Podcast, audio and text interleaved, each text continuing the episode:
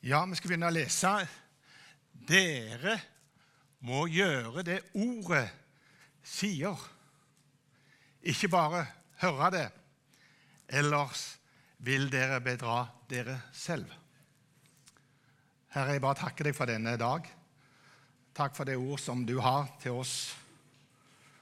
Jeg ber om at eh, du skal tale til den enkelte som er til stede her. Jakob 1, 22 leste jeg. Og Jakob han var jo eh, Jesu halvbror og leder av menigheten i Jerusalem. Og Han var opptatt av hvordan vi skulle leve, og om åndelig vekst. Han hadde utrolig med, med visdom når vi ser i, og leser Jakobs brev. Han har en veldig klar tale. Gjør noe med det du hører. Denne høsten har vi hatt eh, fokus på vekst.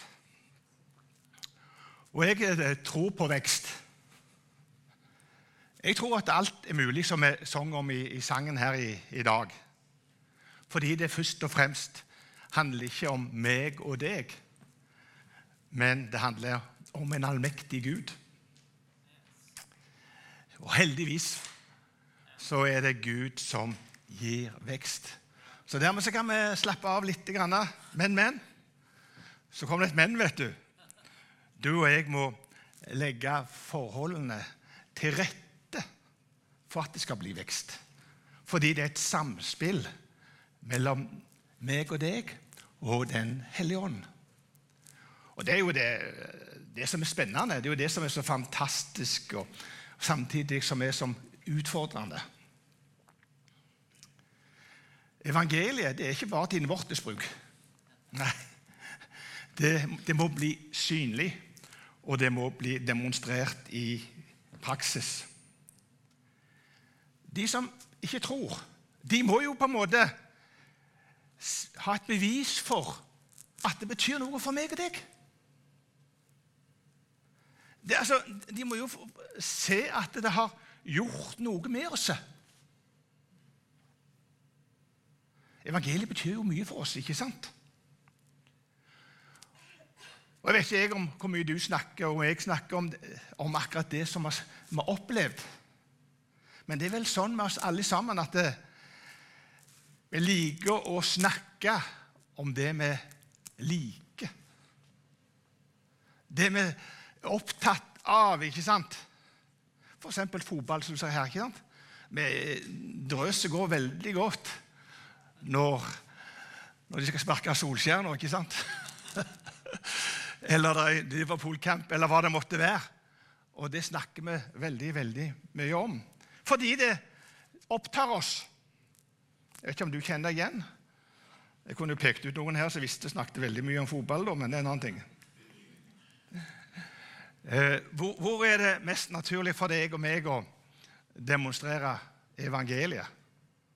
Er det på, her på gudstjenesten? Nei. Her er det lett å være frimodig. Her er det lett å si hva vi opplever, og, og vitne for den del. Men kristenlivet er jo mer enn en, en søndagen og gudstjenesten. Det handler om mandagen og hele uka. Så vår utfordring på det er å koble gudstjenesten til mandagen og resten av dagene i uka. Hvem er det vi er mest med i løpet av ei uke? Hvem er mest sammen med? Er det kristne? Dessverre så er nok det for meg som nå er pensjonist. Eh, men jeg tror at de fleste er minst sammen med kristne. Man er sammen med andre som ennå ikke tror. Og Dermed så blir jo det på en måte litt nedslagsfeltet for oss for å dele evangeliet. Og det er der som er vår kontaktflate. Det er der som er våre muligheter. Nettopp der vi er. Skal det, skal det bli vekst, så, så, må vi bli mer bevisste på å være en kristen der vi er. Jeg ser at jeg har, har svikta og ikke brukt de mulighetene som jeg har fått opp gjennom tida. Og eh, det er ingen unnskyldning, men jeg, jeg, var veldig opptatt av å bygge menighet og bygge opp dette. Og dermed må jeg erkjenne det at det, kanskje det gikk utover en, en del ting som vi skulle ha prioritert på en måte. Og Erkjennelse i ettertid er alltid klokest. ikke sant? Selverkjennelse da. Så jeg skulle engasjert meg mye mer utenfor menigheten, og ikke minst i forhold til der ungene hadde arena. Jeg har nok fått mye mer kontaktflate der enn jeg er klar over. Heldigvis så ser jeg at de er bedre, de i dag, og dere er mye bedre på dette i den generasjonen som vokser opp. Skal vi få vekst i menigheten, Skal det bli, og hvis det skal bli flere frelst, så må vi være der folket er. Og vi må ta et langt, langt større ansvar i nærmiljøet. Og i samfunnet og generelt. De må se evangeliet demonstrert gjennom meg og deg i praksis. Historien om oss kristne forteller vel at vi har vært for vi er opptatt av det som skjer i bedehuset.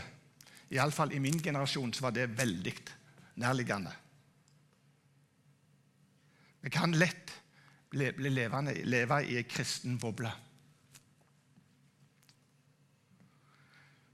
For en tid siden var det en ungdom som uttalte seg om dette til en kristen avis. Han eh, ønska å vinne andre andre for Jesus og hadde klare meninger om hvordan dette skulle gjøres. Sier han bl.a. i avisa jeg har prøvd hardt å ikke være i kristenbobla. Jeg har flest nære ikke-kristne venner og har selv verken gått på kristen internatskole eller bibelskole. Det er behagelig å holde seg med dem som er enige med en selv. Men det er viktig for min tro og modning å forstå folk som ikke tenker og tror som meg. Vi klarer ikke å forstå andre mennesker uten å kjenne dem. Å drive misjonsarbeid uten å kjenne folk går ikke an, sier han. Altså, Vi klarer ikke å forstå andre mennesker uten å kjenne dem. Vi må kjenne folket, vi må kjenne miljøene. Vi må kjenne hvordan folk i samfunnet tenker i dag. Og de som ikke tror ennå, de må bli kjent med oss, og meg med dem. Hva betyr det å ta, å ta et, et, samfunnsansvar? Jeg tror at eh, vi har mye, på, mye å gå på når det gjelder det å ta, påvirke samfunnsutviklingen.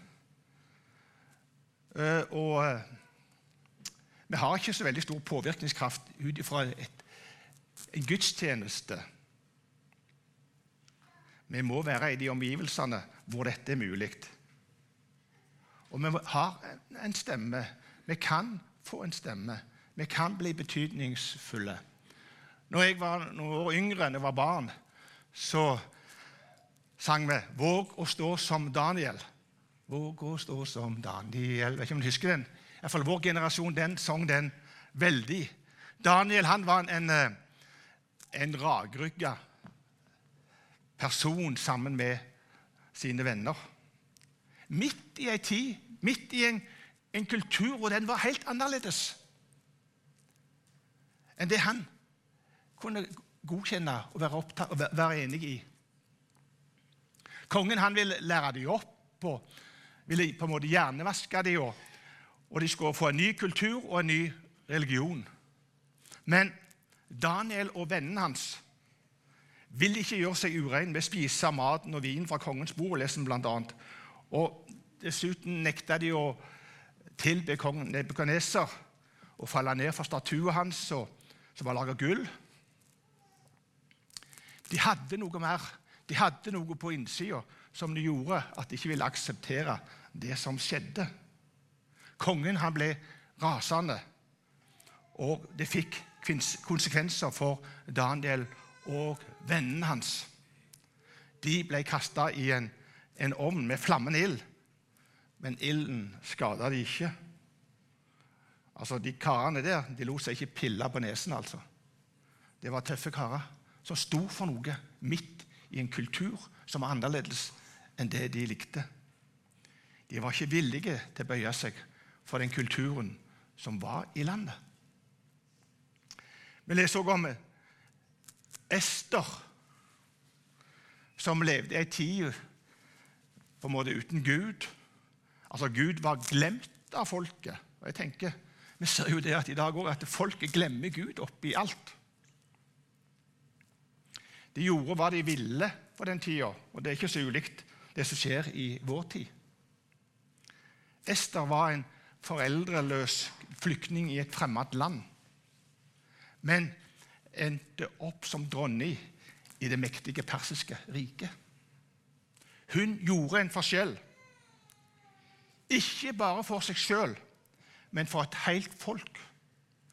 Hun redda sitt folk jødene fra utryddelse. En spennende historie. Les Esters bok. Ester var utrolig modig. Hun sto for sin tro, selv om det kosta i en tid hvor folk ikke forholdt seg til Gud. Hun var til med og snudde historien. Jeg syns det er interessant å se.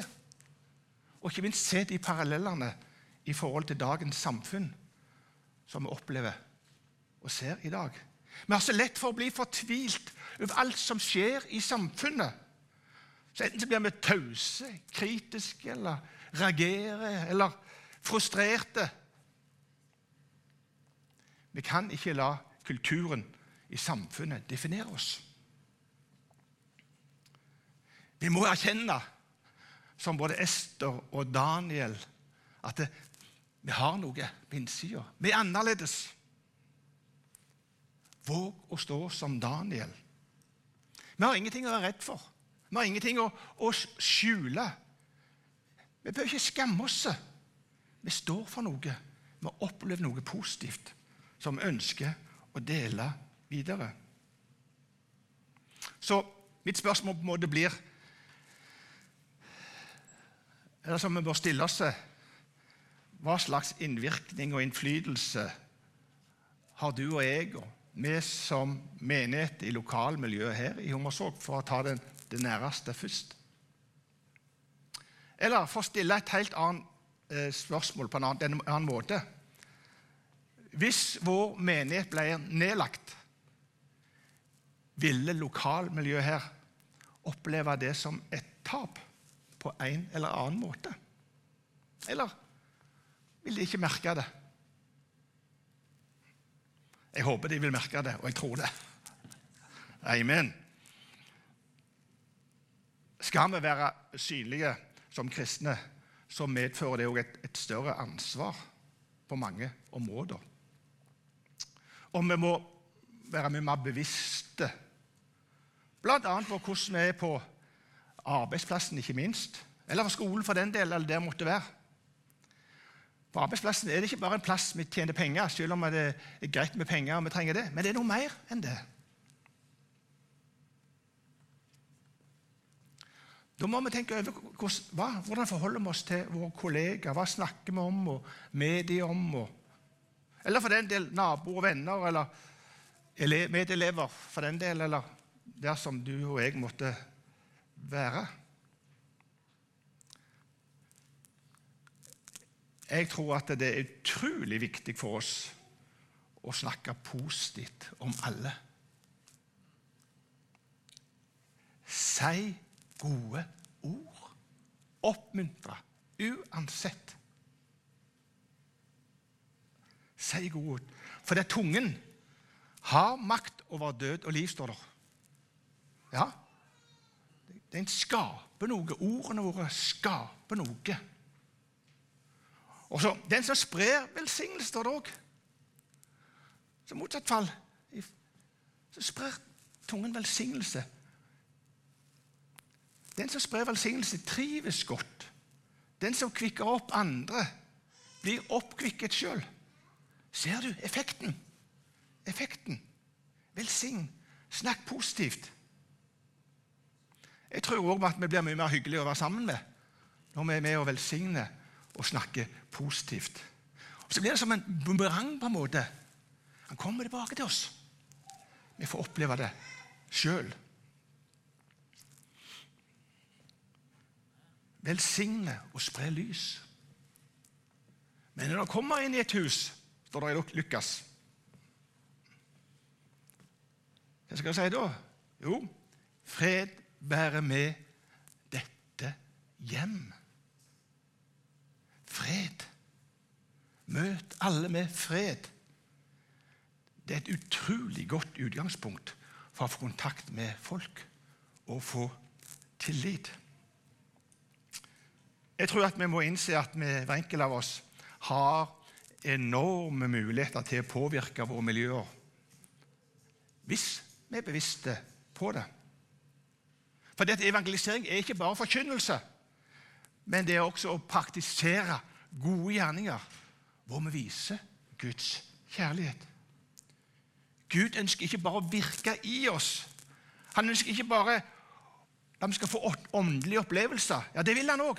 Men og Han ønsker ikke bare å velsigne oss med nådegaver. Jo, han vil det. Men han vil også virke igjennom oss. Han vil vi skal bruke det vi får. Og jeg tror at vi, hvis vi bruker det vi får, så vil vi få mer.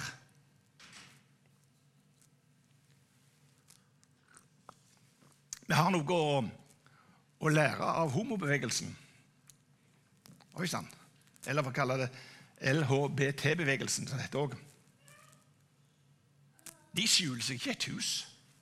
De lever ikke i ei boble. Men de er utrolig frimodige til å fortelle hvem de er, og hva de står for. De bruker alle muligheter for å fortelle de blir hørt, og de får utrolig gjennomslag i samfunnet. Og de er ikke mange, men de får mange med seg. Vi er kristne. Vi er langt flere. Langt flere. Men ofte står vi med lua i hånda.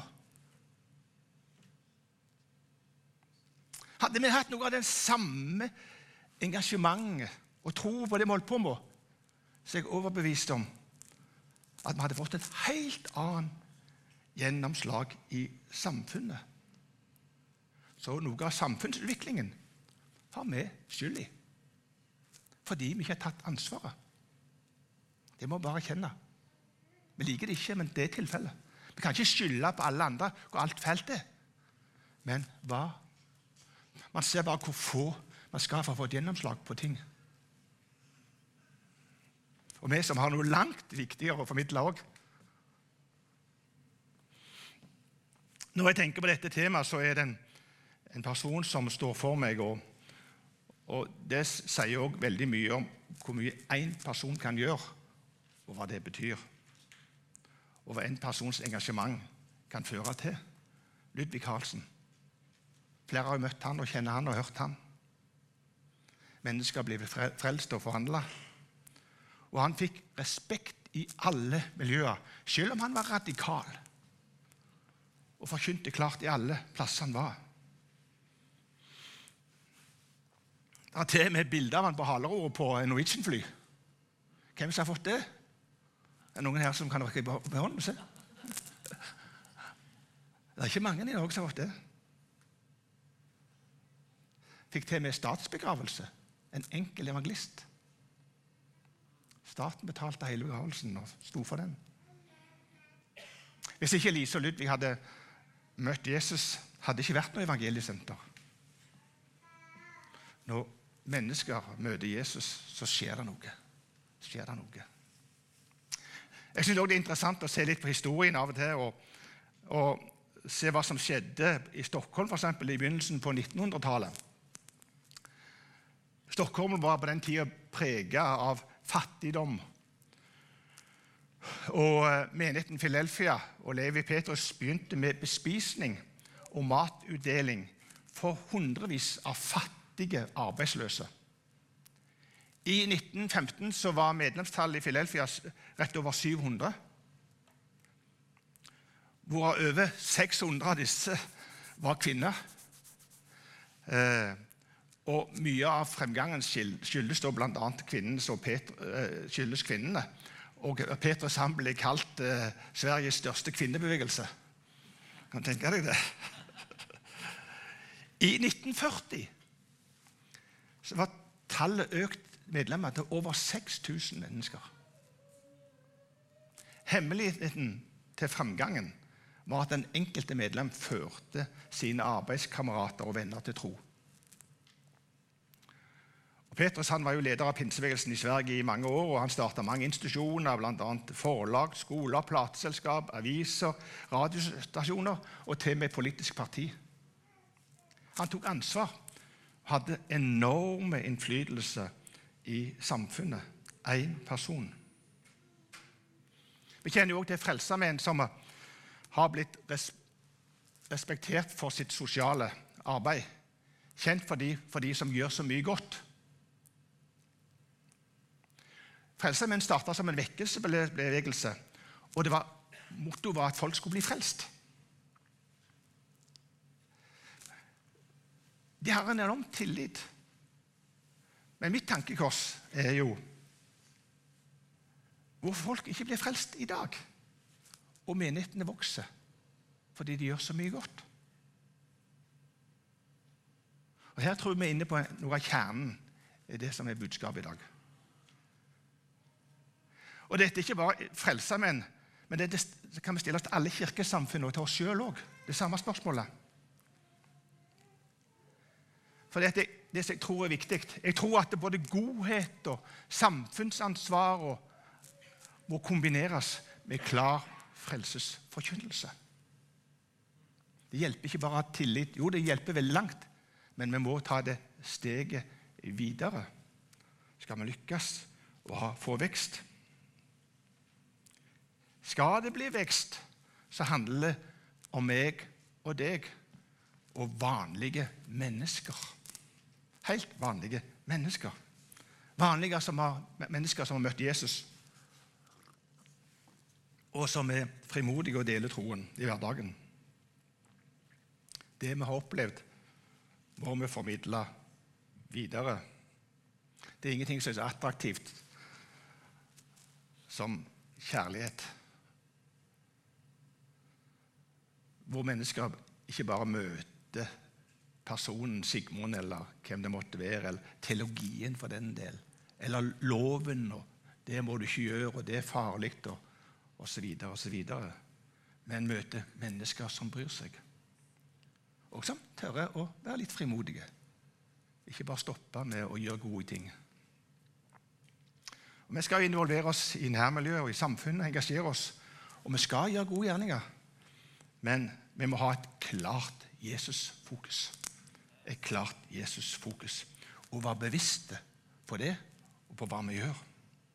Og Jeg tror nettopp at de bønnekortene som er delt ut i menigheten her, fra bro til tro, er utrolig viktig begynnelse for oss alle sammen til å bruke.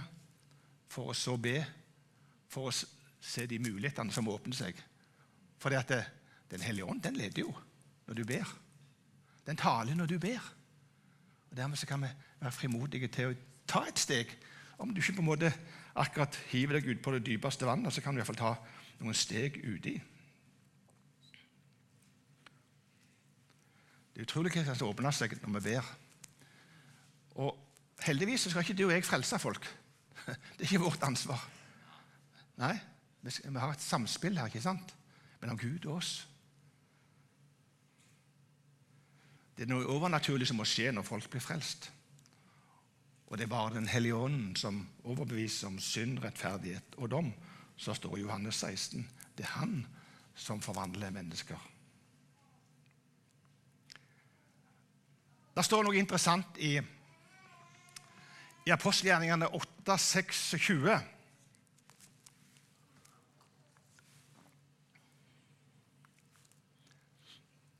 Og Nå vet du kanskje hvem jeg tenker på.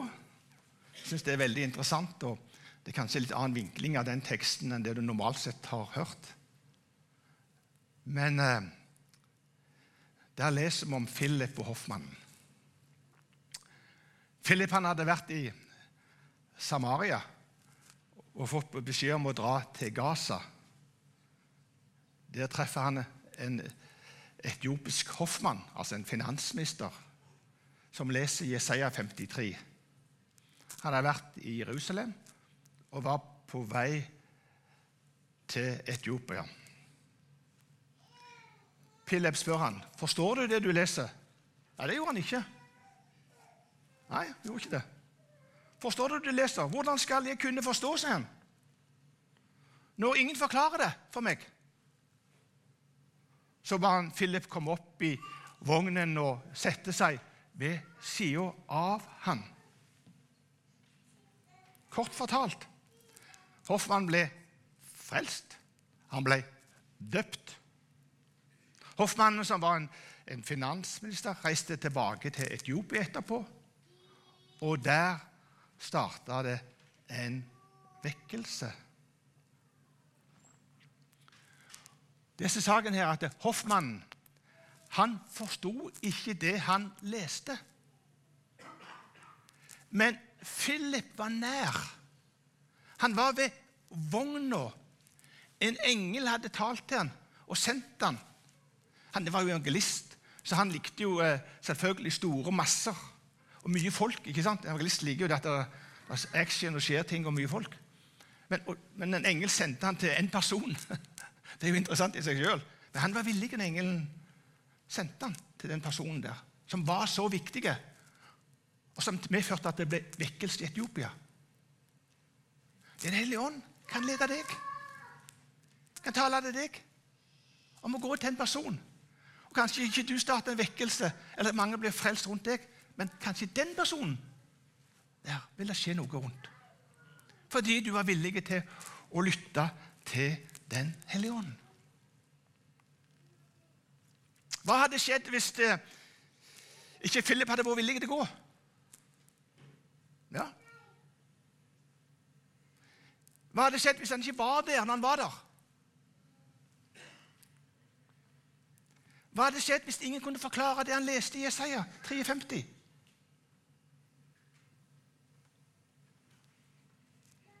Hva skjer hvis de som ennå ikke tror, og du ikke er til stede der å fortelle sannheten og evangeliet? Skal det være prinsessen vår og sjaman Durek som skal fortelle det, eller eller skal det være politikerne? De prøver seg. NRK eller TV 2 eller VG for den del, som skal definere vår tro til folket. Vi kan være med og møte den åndelige lengselen som fins. For den fins jo. Folk søker jo i det utrolige i dag. Men vi må være nær vognen. Nær folket, ikke sant? Der folket er der folket er.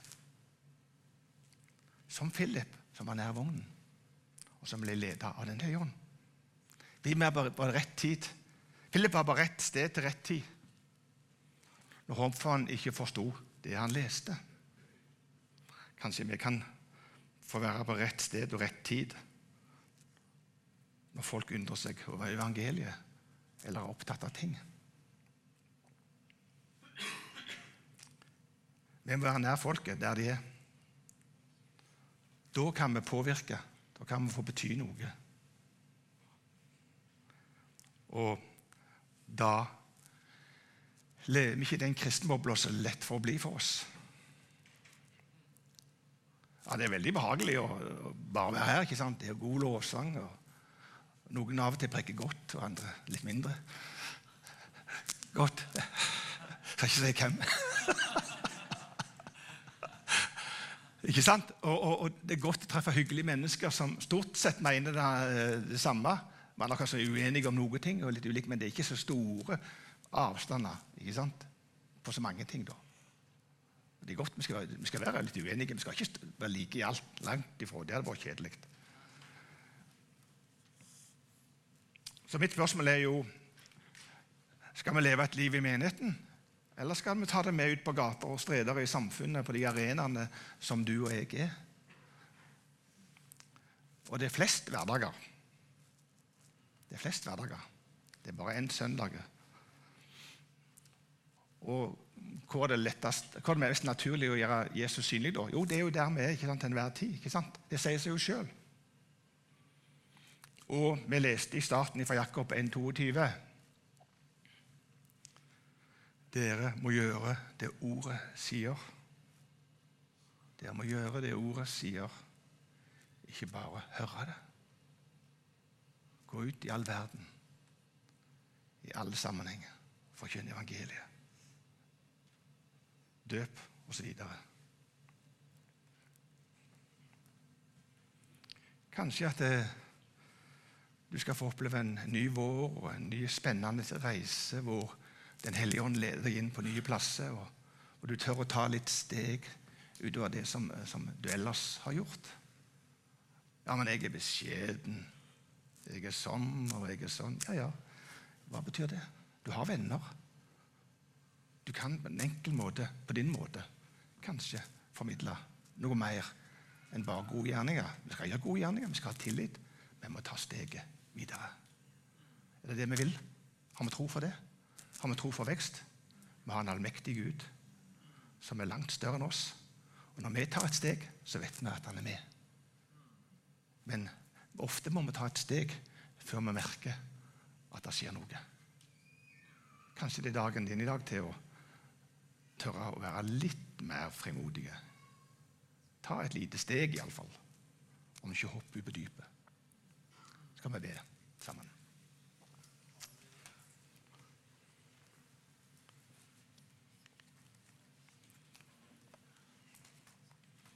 Kanskje det var et budskap til deg, og da tar du det til deg. Kjenner du at du vil ha forbønn, og du ønsker på en måte kanskje å bevege deg litt videre i forhold til det jeg snakket om nå, så skal du rekke opp i hånd, så skal vi ta deg spesielt med nå i, i, i forbønn.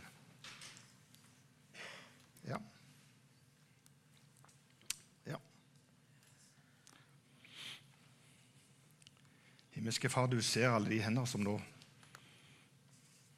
blir rakt opp. Takk at eh, du ser hver enkelt, Herre. Og jeg ber for min del at jeg skal tørre å være mer frimodig og, og vise hvem jeg tror på, hva som du har gjort i mitt liv, og hva det betyr for meg i praksis. Så ser vi alle de som må rakke opp hånden i dag, at du skal gi dem muligheter. Du skal få lov til å lede dem. Hellige Ånd, led dem. Tal til dem. Gi dem ord på personer som de kan begynne å be for. Så de må notere på bønnekortet sitt. Der. Jeg bare takker deg for det, så skal vi se at det skal skje noe. De skal få lov til å gjøre gode ting, velsigne, tale vel om alle og alt. Og skal få se at de i tillegg skal formidle deg. Og alt folket sa amen.